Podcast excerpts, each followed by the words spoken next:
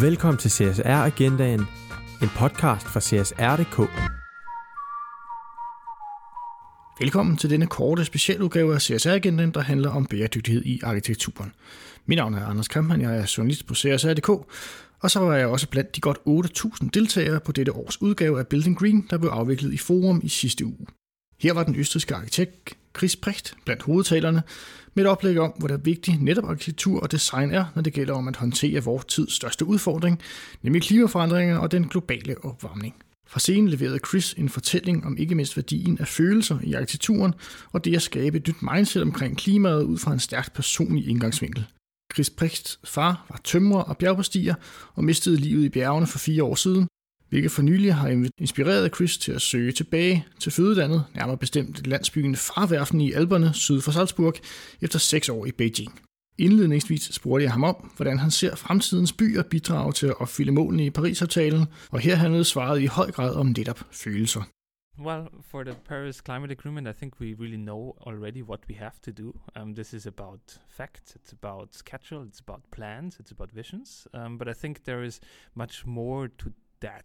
Um, and this goes not so much about uh, you know what we know but actually what we feel. I think it's not just about you know creating new technology to create um, new data to create new algorithms to be more efficient but also to create a new mindset in people to to really, you know, uh, value what uh, an ecological system and biosphere, what biodiversity means. I think to create a different mindset of, um, you know, how important nature is for ourselves. I think that is uh, much more important than actually, you know, reaching uh, reaching certain numbers and uh, dropping down CO2 emissions. I think this one can be achieved through technology, um, but uh, I think for a longer goal, it's much more important important to create a different mindset uh, of people. And I think architecture and, and buildings in, in special can help there a lot.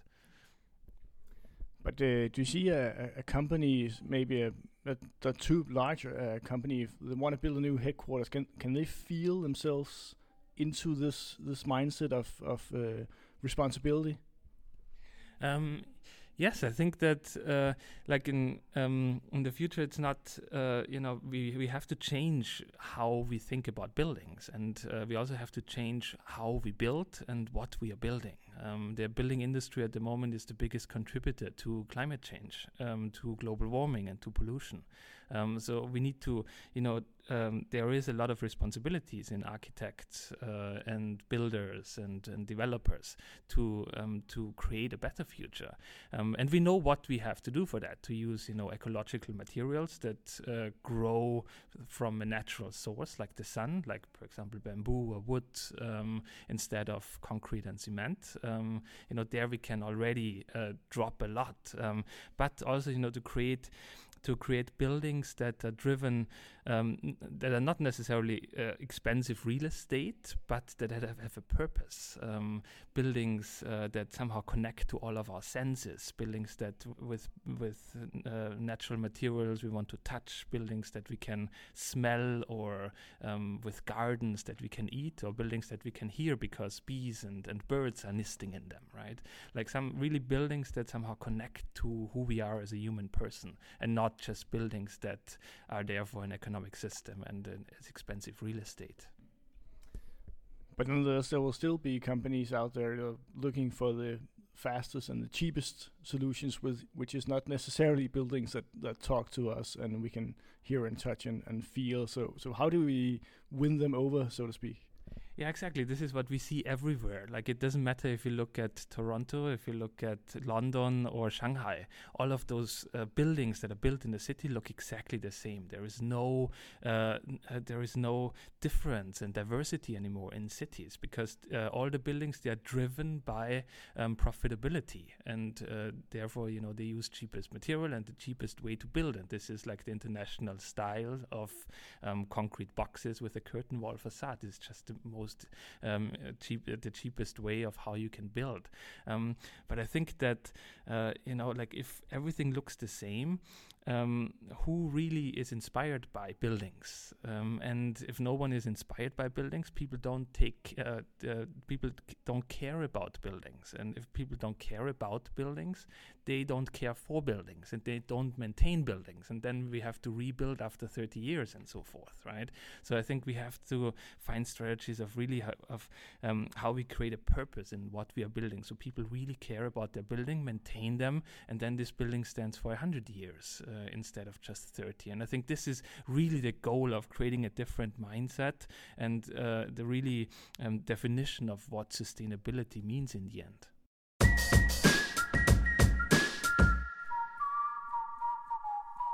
Men hvordan kan vi herhjemme så bevæge os i den retning, Chris Pecht gerne ser arkitekturen bevæge sig, altså hen imod diversitet og følelsesmæssig investering? Det talte jeg om med en ven af huset, nemlig Lasse Lind, der er arkitekt hos GXN og var med i vores podcast om fremtiden for bæredygtigt byggeri i december sidste år.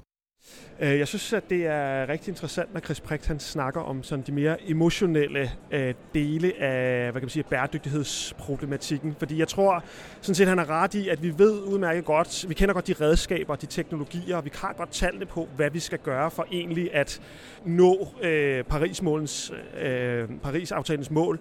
Men vi har ikke eller vi skal udvikle, hvad kan man sige, det, det, det emotionelle sprog, de fortællinger og de øh, kvaliteter, som ligesom gør, at, at folk bliver involveret bredt i, i bæredygtighed. Og der kan man sige, øh, den ene del af det er selvfølgelig frygten for, at alt går galt, at øh, verden brænder sammen. Men jeg synes, det som er interessant for os i byggebranchen og for arkitekter, øh, er, altså, hvordan kan vi egentlig bruge øh, øh, for eksempel biodiversitetstabet, som vi har i verden, til at som en driver for at skabe smukkere byer, skabe smukkere arkitektur, skabe mere sådan øh, levende og indlevet arkitektur.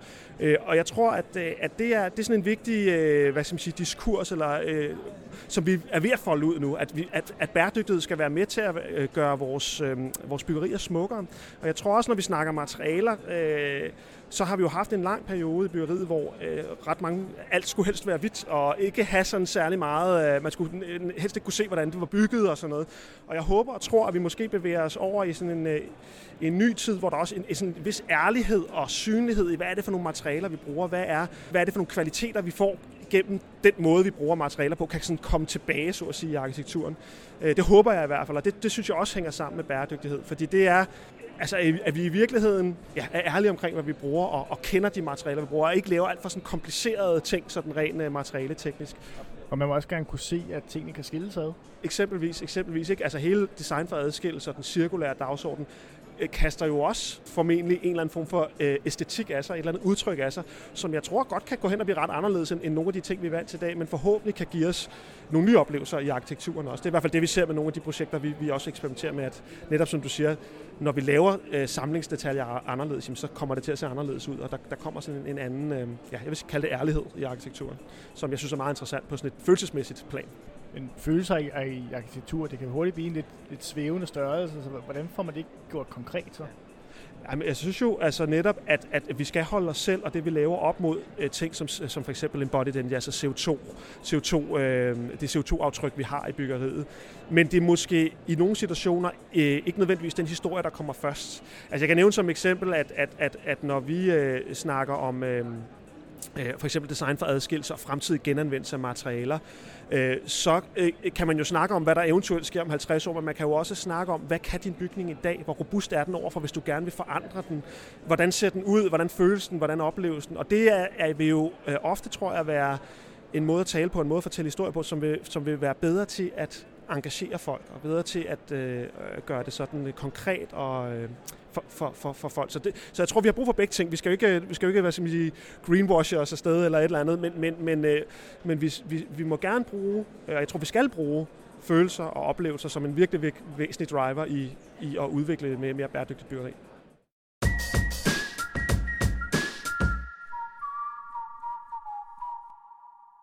En ting er så, at de kreativt tænkende arkitekter og designere godt kan se følelser ind i deres arbejde. Men hvordan forholder man sig til disse lidt svært målbare elementer som bygherrer? Det spørgsmål stillede jeg Mia Mangesi, som er projektudviklingsdirektør i Pension Danmark. I Pension Danmark der arbejder vi med hele den sociale bæredygtighed ved hjælp af DGNB-værktøjet som det ene. Men når det så er sagt, så kan vi jo godt blive enige om, at øh, der er langt fra at føle et byggeri til så at snakke om afstand i en cykelparkering. Så det vi også har gjort for at supplere DGNB-værktøjet, det er at arbejde, udarbejde sådan et værdiprogram, som handler om lige præcis det her med, hvem er det, der skal bo hos os, hvad er det for en by, vi bygger det ind i, hvordan er det, ting kan opleves, hvad er det for nogle værdier, vi gerne vil, vil have. Og det kan man sige, det er sådan set nyt, at vi er begyndt at arbejde med det. Det er nok sket inden for de sidste par år. Og det flytter jo sådan den der bæredygtighedsdagsorden fra noget, man kan måle, til noget, man både kan måle, men også noget, man kan mærke.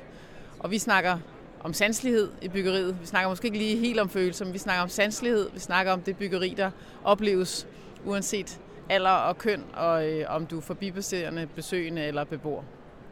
I øh, debatten her, vi netop har hørt fra scenen, der var du også inde på det her med, at I som øh, bygherre er, er villige til at investere på den super lange bane, tror jeg endda du sagde. Der kommer det her følelsesaspekt vel på en eller anden måde også ind, at så får, så får bygningen af tid til at sætte sig øh, både i en by og for dens brugere. Så så på den måde, så, så tager I det vel med sådan lidt ubevidst, kan man sige.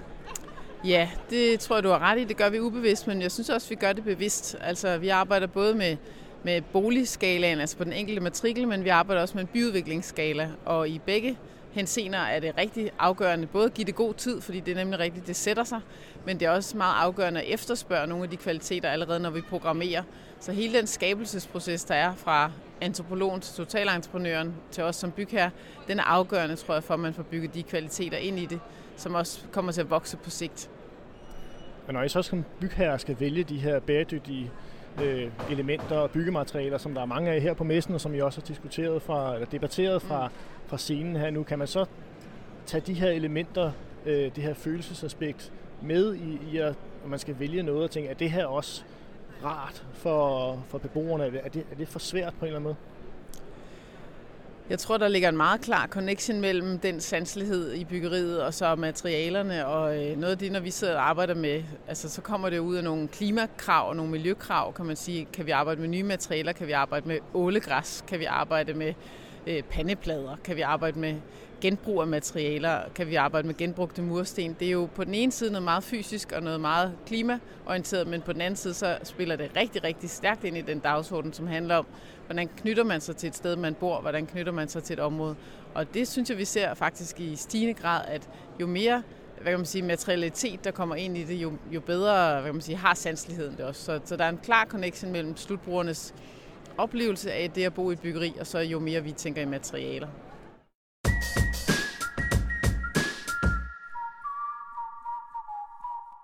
Altså en klar forbindelse mellem sanselighed og valg af materialer i bygninger, som Chris Brist givetvis ville sætte pris på at se udfoldet mere i arkitekturen og i vores byer i fremtiden. Du kan læse meget mere om Pilton Green og materialer i vores fokus og om nyt fra byggebranchen på CSR.dk. Tak for nu. Vi høres ved. Du har lyttet til CSR Agendaen, en podcast fra CSR.dk. Du kan abonnere på podcasten i iTunes, eller hvor du nu foretrækker at lytte til podcast. Søg blot efter CSR.dk eller CSR Nyt Ord Agendaen.